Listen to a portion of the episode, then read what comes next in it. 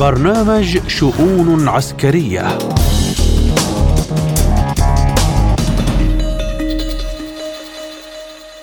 من إذاعة سبوتنيك بموسكو نرحب بكم مستمعين الكرام أينما كنتم في حلقة جديدة من شؤون عسكرية. أقدمها لكم اليوم أنا محمد جمعة وأبدأها بأبرز العناوين.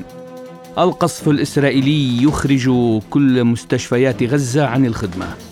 تراجع توريد القذائف لأوكرانيا منذ بدء الحرب بين إسرائيل وحماس.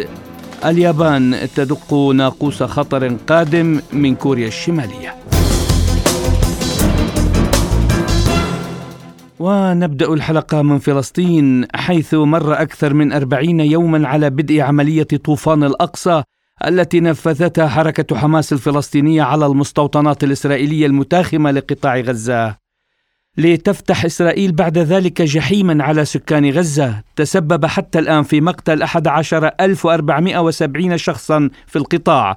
بينهم 4707 أطفال. في حين تجاوزت الإصابات 29 ألف. لقد خرجت إلى الآن كل مستشفيات مدينة غزة ومنطقة شمال قطاع غزة عن الخدمة. كما بات القطاع معزولا عن العالم الخارجي. مع انقطاع كامل في خدمات الاتصالات الثابتة والمتنقلة والإنترنت بعد منع الجيش الإسرائيلي إدخال الوقود ونفاذ كافة مصادر الطاقة الاحتياطية لتشغيل عناصر الشبكة الرئيسية.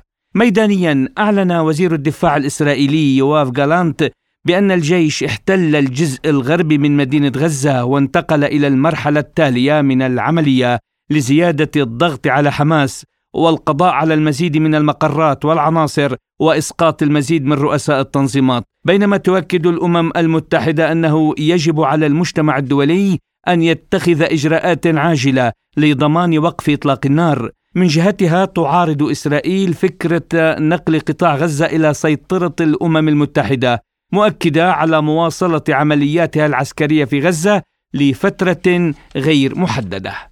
إذا للحديث أكثر عن تطورات الأوضاع في الحرب على غزة ينضم إلينا من دمشق الخبير العسكري الاستراتيجي الأستاذ محمود عبد السلام. أهلا بكم في شؤون عسكرية.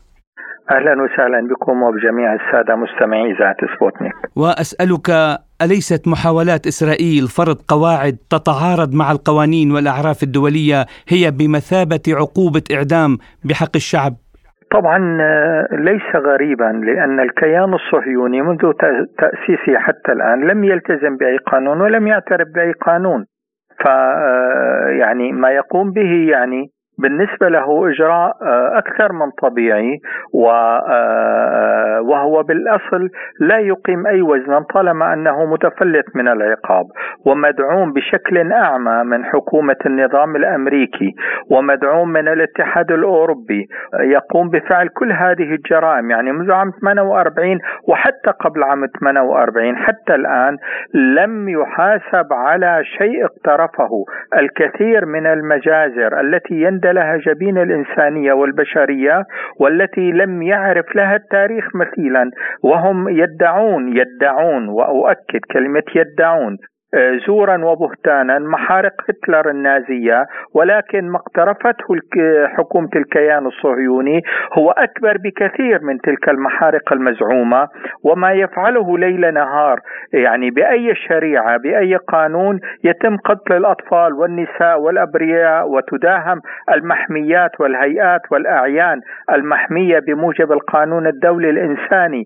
المشافي والبيوت والمراكز الصحية والمدارس وحتى مدارس وحتى آه يعني مجازر قانا الأولى والثانية أين تمت؟ تمت في في مباني تابعة للأمم المتحدة وواضحة آه، من السماء من من أعلى ارتفاعات لأنها موسومة بإشارات ورموز وألوان تظهر لأبعد مدى وبالرغم من ذلك تم استهداف هذه الأماكن وقتل من قتل فيها واستشهد من استشهد وجرح من جرح إذا ما هي التدابير التي ستتخذ محليا وإقليميا ودوليا لإنقاذ الموقف؟ آه، طبعا لا يمكن هذا الكيان وداعمي لا يفهمون سوى لغة, لغة واحدة. آه، هي لغة القوة. يعني إن, إن ظن أحد بأن القوانين الدولية أو الأمم المتحدة أو مجلس الأمن بالأمس اتخذ قرار بمجلس الأمن من أجل هدى وليس وقت إطلاق النار. بالرغم من ذلك آه، سخرت حكومة نتنياهو من هذا القرار وضربت به عرض الحائط. هذه الحكومة الحكومات وداعميها وهم وجهان لعملة واحدة لأن أمريكا أيضا لم تقم إلا على مجازر وإبادة الهنود الحمر وإبادات في فيتنام وضرب القنابل النووية في هيروشيما وناغازاكي وكذلك الأمر أينما حلت أمريكا يحل القتل والخراب والتدمير. قتل أكثر من مليون إنسان في العراق تدمير العراق اجتياح لبنان كلها أحداث تمت بموافقة ودعم مباشر من أمريكي وكل إنسان يقتل على وجه هذه الأرض تحمل أمريكا وزرا منه، بالتالي يعني لا يمكن لنا أن نحصل على أي فائدة ما لم يكن هناك موقف موحد للوقوف بوجه آلة الهمجية والطغيان المتمثلة بآلة الحرب آه، والقتل الإسرائيلية آه، من خلال تفعيل المقاطعة من خلال ضرب المصالح الاقتصادية الإسرائيلية والأمريكية والأوروبية الدول التي تدعم هذا الكيان بشكل أعمى آه، تعريض المصالح الأمريكية والإسرائيلية والأوروبية للخطر والتهديد بقطعها قطع العلاقات الدبلوماسية مع هذا الكيان إعادته إلى خانة الحصار وإلى خانة المقاطعة التي كانت تجدي نفعا قطع وإلغاء كل الاتفاقات التي أنجزت مع هذا الكيان وخاصة اتفاقيات التطبيع.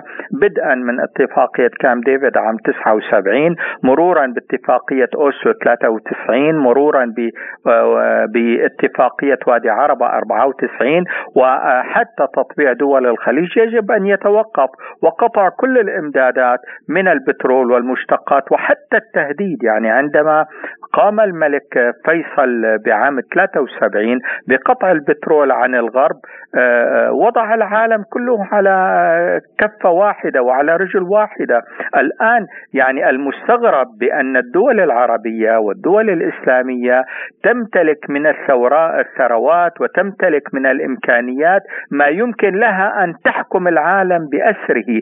أدنى دويلة من دول مجلس التعاون الخليجي وأقصد بها قطر قادرة على أن توقف الكرة الأرضية على رجل واحدة إذا وقفت إمدادات آه، الغاز إلى أوروبا وأمريكا ودول العالم. ما يجري لوحة مأساوية حقيقة دكتور آسف المقاطعة أسئلة كثيرة والوقت ضيق. لذلك آه، أسألك أيضا ما يجري الآن في فلسطين. هل يمكن أن يتطور إلى نطاق عالمي ويصبح شرارة يندلع منها لهيب المواجهة بين القوى العالمية الداعمة لإسرائيل أو فلسطين؟ آه، حتى الآن لا أعتقد لأن آه، أمريكا عندما تواجدت بحاملات طائراتها ومدمراتها وفرقاطاتها في قباله آه، شواطئ الفلسطينية وكذلك حامل الطائرات الفرنسية والبوارج البحرية من بريطانيا وألمانيا وكل دول الاطلسي هي بمثابة إشارات وبمثابة رسالات إلى رسائل إلى كل الدول التي تدعم محور المقاومة وتدعم المقاومة في فلسطين أن كل من يتدخل ربما يمسح تمسح دولته عن الخارطة. وهذه التهديدات التي يعلنها ليل نهار حكام البيت الأبيض وساساته آه، وقادته العسكريين والسياسيين ويلوحون بالعصا الغليظة بل ويشاركون بأعمال القتل والإبادة الجماعية وبكل ما اقترفته إسرائيل من جرائم حرب يقمعون بشدة أي محاولة بالإضافة إلى أن آه، الطغمة الحاكمة في معظم الدول العربية الموالية بالمطلق بل أقول أنها الداعمه لما يجري من أحداث مؤسفة في غزة ولا ولا أشك ابدا بأنها هي من يدعم الكيان ويمول الكيان بمليارات الدولارات. آه، وشاهدنا أحد كبار رجال أعمال السعودي يتبرع بمقدار 137 مليون دولار لمستوطنين آه، الصهاينة ولم يتبرع بكسرة خبز لأبناء غزة. كل هؤلاء أتصور أن هناك شبه إجماع. هناك شبه إجماع وهي حقيقة مؤسفة من العالم العربي والإسلامي والأوروبي والأمريكي بتصفية قضية فلسطين وتمرير صفقة القرن وإنهاء هذا الموضوع إلى غير رجعة. وبالتالي الكل متآمر والكل شريك بسفك الدم الفلسطيني والكل له وزر مما يجري على هذه الأرض المباركة الطاهرة. نعم والجميع يقرر مصير الشعب الفلسطيني إلا الشعب الفلسطيني نفسه. أستاذ الولايات المتحدة والاتحاد الأوروبي يدرسان وضع خطة لنشر قوة حفظ سلام أممية في قطاع غزة بعد الحرب هل يمكن أن يؤدي مثل هذا السيناريو برأيك إلى تصعيد أكثر خطورة؟ بكل تأكيد. يعني هذه القوى اولا لن تكون محايدة آه، حتى يتم القبول بها. هي ستكون آه، يعني وجه آخر من وجه الصهاينة بلبوس أممي بأزياء آه، قوات حفظ النظام دولية. طبعا هذا الأمر لا يمكن أن يتم. يجب أن نؤكد حقيقة مفادها أن الكيان الصهيوني هو محتل لفلسطين المحتلة ولا يحق له وفق ميثاق الأمم المتحدة ووفق قوانين جنيف ووفق البروتوكولات التابعة لها والاتفاقات الدولية والقانون الدولي والقانون الإنساني الدولي الإنساني لا يحق لها حق الدفاع عن النفس. حق الدفاع عن النفس هو مناط فقط بأصحاب الأرض بأصحاب الهوية بأصحاب الانتماء.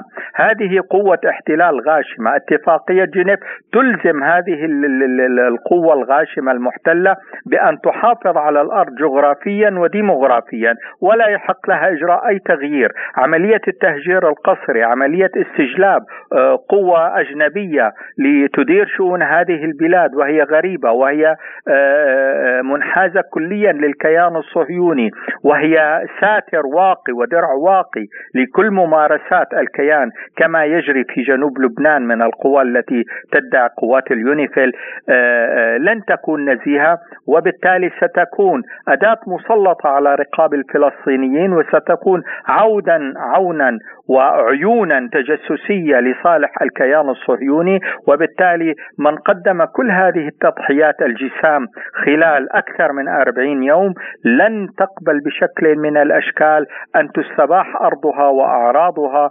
وتستباح بلادها وأن تقبل بمثل هذه القوى الغاشمة. لذلك هذا الأمر من شأنه أن يكون بمثابة آه، قنبلة موقوتة يمكن أن تتفجر بأي وقت وبأي زمان. لنا آه، سؤال أخير وهو سؤال ميداني دكتور، يعني زعيم حركة حماس في غزة يحيى السنوار يفرض شروطه بعد 41 يوم من القتال، ألا يدل ذلك على فشل إسرائيل ميدانيا؟ طبعا منذ اللحظة الأولى لقيام عملية طوفان الأقصى هي أكدت أن آه، الكيان الصهيوني هو عبارة عن فقاعة صابون وهو عبارة عن أبطال من ورق ومقاتلين من ورق. الساعات الأولى اولا أكدت حقائق كثيرة. فشل استخباراتي للكيان الصهيوني بأجهزة الآمان والشاباك والموساد فشل استخباراتي بأقمار الصناعية التي تزيد عن الآلاف التي تجوب السماء الأمريكية وكذلك البريطانية وك... لم يستطع أحد أن يتنبأ بهذه المعركة وبهذه العملية المباركة. هذا من جهة. الخسائر التي مني بها الكيان الصهيوني والتي هزت هيبته وهزت آه، مكانته حتى أمام الرأي العام والدول الداعمة له. وأثبتت أن هذا الكيان وهذه الأداة لا يمكن الاعتماد عليها وستبقى بمثابة الطفل الرضيع الذي يحتاج لمن يزوده بترياق الحياة يوميا. لذلك عندما جاءت هذه الأساطيل لأنها أدركت بأنها إن لم تدعم هذا الكيان فإن هناك تهديدا وجوديا حقيقيا على المحك وليس كمثله شيء. لذلك هذه القوى الغاشمة هي التي تدير الأعمال القتالية الآن في كامل آه، أرجاء غزة وهي التي تزود هذا الكيان بهذه الذخائر وبهذه الخطط حتى أن القوات المارنز وقوات دلتا المشهود لها بالتفوق النوعي بعمليات المداهمة والاعتقال وما إلى ذلك وتصف والاغتيالات آه، آه، يعني تشارك على أرض الواقع وقد وقع منهم الكثير من الأسرى والقتلى من خلال الأفخاخ والأشراك التي اعدها أبناء غزة، الأرض تقاتل مع أبناء غزة وأهل آه، مكة أدرى بشعابها وهم يجيدون استخدام كل شبر من تراب غزة. شكرا جزيلا الخبير العسكري الاستراتيجي الأستاذ محمود عبد السلام كنت معنا ضيفا عزيزا في شؤون عسكرية شكرا لكم. أهلا وسهلا بكم. وإلى الملف الأوكراني حيث تستمر العملية العسكرية الروسية في أوكرانيا بينما يؤكد زيلينسكي أن شحنات قذائف المدفعية إلى بلاده قد انخفضت بعد اندلاع الحرب في غزة. في السياق صرح منسق الاتصالات الاستراتيجية بالبيت الأبيض جون كيربي بأن حزم المساعدات الأمريكية الجديدة لأوكرانيا يجري تقليصها بسبب انتهاء التمويل المتفق عليه لدعم كييف. ولهذا السبب يتعين على الولايات المتحدة اتخاذ قرارات صعبة حاليا. من جهة أخرى أكد مساعد الأمين العام لحلف الناتو أنه كلما طال أمد القتال في أوكرانيا أصبح من الصعب على دول الحلف مواصلة تقديم المساعدات لكييف. في روسيا قال أمين مجلس الأمن الروسي نيكولاي باتروشيف أن توريد قذائف اليورانيوم المنضب إلى أوكرانيا يزيد كثيرا من التهديدات الإشعاعية ولكن نخب الغرب السياسية لا تشعر بقلق بشأن صحة حتى سكانها. وللحديث عن آخر تطورات الحرب في أوكرانيا نستضيف معنا الخبير العسكري الاستراتيجي الدكتور عمر المعربوني. أهلا بك دكتور عمر في شؤون عسكرية.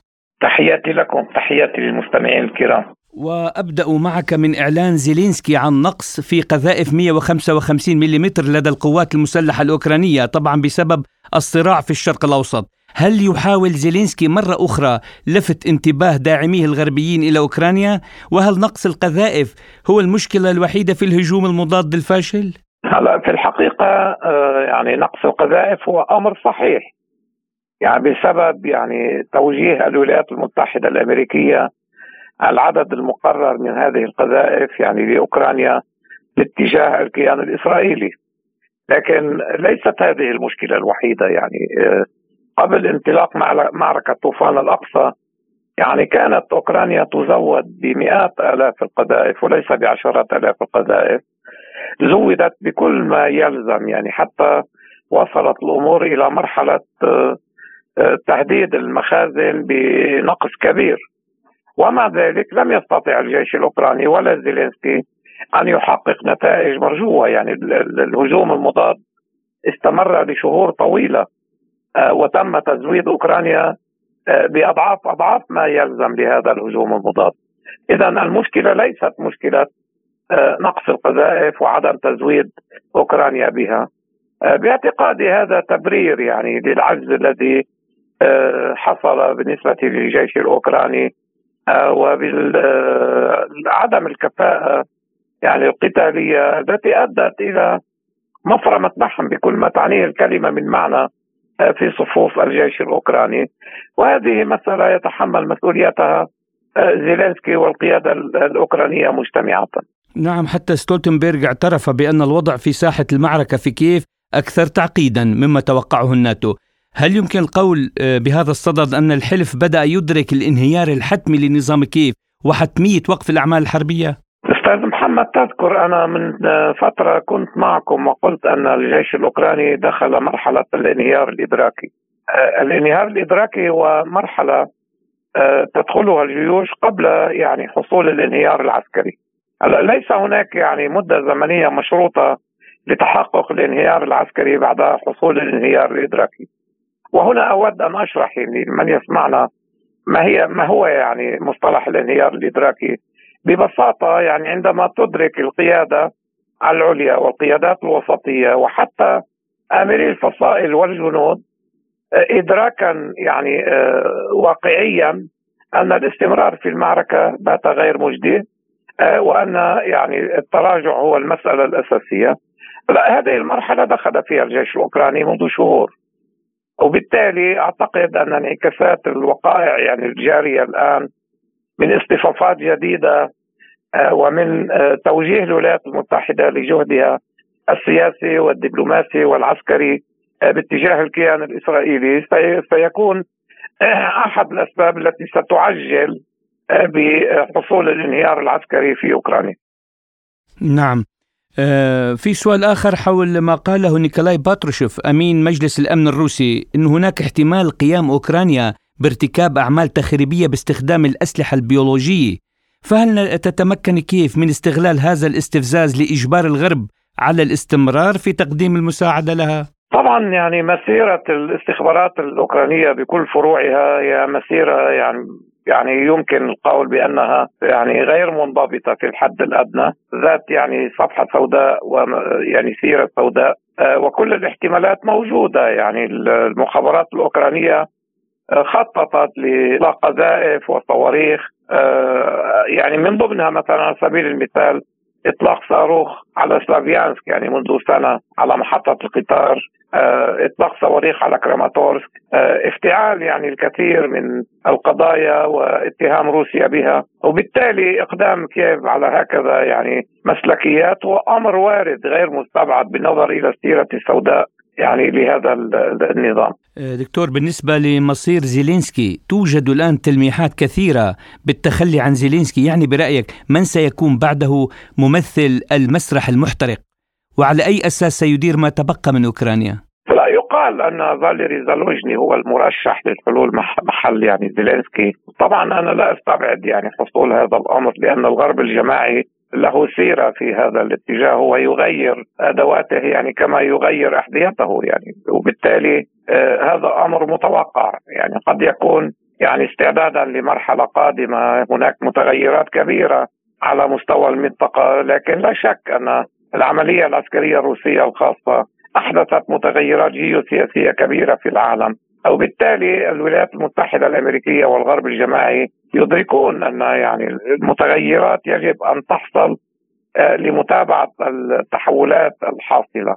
آه، أعتقد يعني أنه من الممكن الآن أن نتكلم عن هذه المسألة آه، بالنظر إلى انشغال الولايات المتحدة الأمريكية والغرب الجماعي بالمعركة الدائرة في المنطقة وخصوصا في قطاع غزة لأنه نحن الآن أمام معركة شاملة وإن كانت يعني متفاوتة بنسب تدخل كل قوة يعني من قوى محور المقاومة في هذه المعركة لكن هذه معركة شاملة آه، في منطقة تعتبر مجالا حيويا لروسيا وتعتبر يعني آه، منطقة نفوذ تقليدي تاريخي للولايات المتحدة الأمريكية. على هذا الأساس يعني انتقل الاهتمام الآن بنسبة أعلى باتجاه يعني آه، منطقة غرب آسيا بشكل أساسي ومنطقة البحر الأبيض المتوسط. لكن هذا لا يمنع أن تستمر الولايات المتحدة الأمريكية آه، بمتابعة ما يحصل في منطقة العملية العسكرية الروسية الخاصة لأنه خسارة أمريكا يعني في هذه المنطقة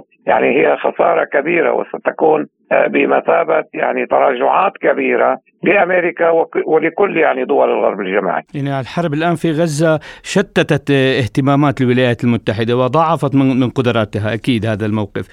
الخبير العسكري الاستراتيجي عمر المعربوني كنت معنا ضيفا عزيزا في شؤون عسكرية. شكرا لكم وحياكم الله. شكرا جزيلا لكم.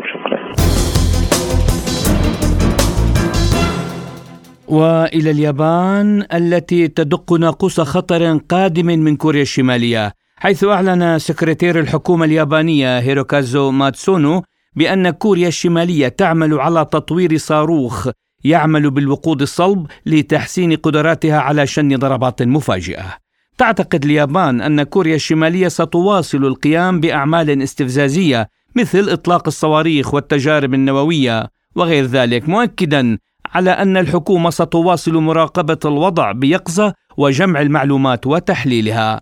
في الثامن عشر من نوفمبر تشرين الثاني 2022 أطلقت كوريا الشمالية الصاروخ البالستي العابر للقارات من مطار سونان بالقرب من بيونغ يانغ باتجاه بحر اليابان للحديث أكثر عن هذا الموضوع ينضم إلينا الخبير بشؤون شرق آسيا الدكتور علي محمود ريا أهلا بك دكتور علي في شؤون عسكرية وأبدأ معك من إعلان سكرتير الحكومة اليابانية أن كوريا الشمالية تعمل على تطوير صاروخ يعمل بالوقود الصلب لتحسين قدراتها على شن ضربات مفاجئة لماذا اليابان تعتبر نفسها دائما معنية بكل ما تحتاط به كوريا الشمالية؟ المشكلة الأساسية أن اليابان وكوريا الجنوبية بتحالفهما مع الولايات المتحدة الأمريكية التي تملك نوايا عدوانية تجاه كوريا الشمالية.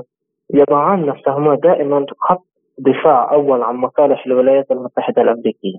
كوريا الشمالية عندما تقوم بأي آه، تطوير لأسلحتها فهي لحماية نفسها بالدرجة الأولى تجاه التهديدات الأمريكية التي كانت واضحة في أكثر من مكان وعدوانية تجاه كوريا الشمالية. ولهذا تحاول كوريا الشمالية حماية مصالحها وحماية نفسها وعليه آه، تضع اليابان تحديدا وكوريا الجنوبية نفسهما في خط الدفاع الأول عن الولايات المتحدة طبعا دكتور من ناحية أخرى دائما كوريا الشمالية تهدد اليابان باتخاذ تدابير عسكرية حاسمة السؤال ما الذي تفعله اليابان حتى تهددها دائما كوريا الشمالية؟